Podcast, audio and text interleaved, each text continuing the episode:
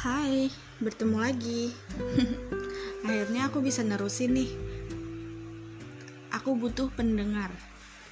Selama ini aku hanya merasa menjadi badut untuk orang lain yang selalu aja rela mendengarin keluh kesah orang tapi dia nggak tahu tentang diri aku dan apa yang aku lagi rasain. Tidak ada tanda manusia yang hadir menjadi pendengar di hidupku Rasa-rasanya aku terlalu kesepian karena banyak perasaan yang nggak terungkap. Tapi sekalinya aku berkesempatan malah balasannya di luar dugaan. Kayak kamu mah masih mending, aku dong lalalalala.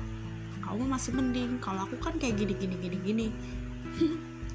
Rasanya kata-kata itu jadi senjata untuk mengalihkan ceritaku yang pastinya mengabaikan validasi rasa yang sebenarnya sedang aku butuhkan. Tuhan gak adil, masa dia dipertemukan dengan aku yang mau dengerin dia? Padahal hati aku capek banget.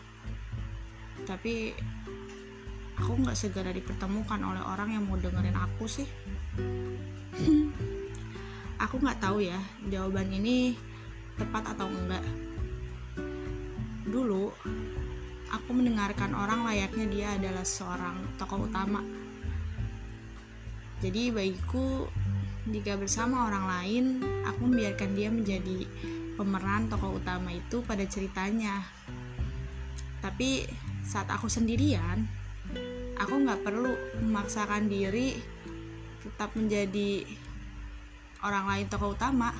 Ya udah, aku sendirian ini.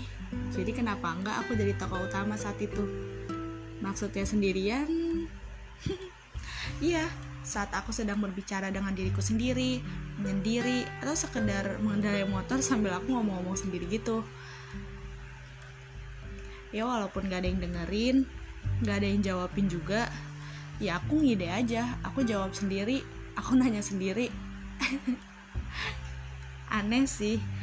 Mungkin terdengar begitu tapi seru aja kok Soalnya aku berhak menjadi tokoh utama dan aku nggak sungkan untuk mengajak dua atau lebih manusia lain jadi tokoh utama aku saat sama orang lain. Toh film-film juga walaupun tokoh utamanya nggak satu, kita tetap bisa eksis kan ya di cerita itu. Tapi kalau lagi ngomong sama orang, bukannya aku nggak mau jadi tokoh utamanya, menurut aku biarin aja. Mungkin dia belum menemukan tokoh utama juga kayak aku. Tapi aku bisa kok sendirian kayak gitu. Atau ini nggak bisa menjawab betul. Tapi kalau jawaban yang kedua ini mungkin bisa dijadiin salah satu jalan keluar mungkin. Klasiknya kita cerita sama pendengar Rasanya itu jawaban yang tepat sih dari yang tadi ya kan. Bahkan kalau cerita sama Allah tuh jauh lebih terbuka, jauh lebih bisa ungkapin perasaan, emosi, ekspresinya lebih ter keluar sebuah gitu karena pertama kita nggak malu dan kita nggak merasa terbatas oleh waktu kita kapan aja biasanya aku malam-malam ya mungkin bakal begadang tapi puas banget. Semuanya keluar.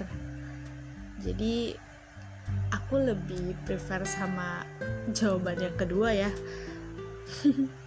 Tapi tapi lagi nih ya kalau sebenarnya ada orang yang siap dengerin kita nih cuman kitanya aja yang nggak percaya sama dia gimana? Kalian lebih milih untuk tetap bercerita atau enggak nanti aku bahas lagi ya ke podcast berikutnya ternyata udah 4 menit. Aduh sampai ketemu lagi. thank you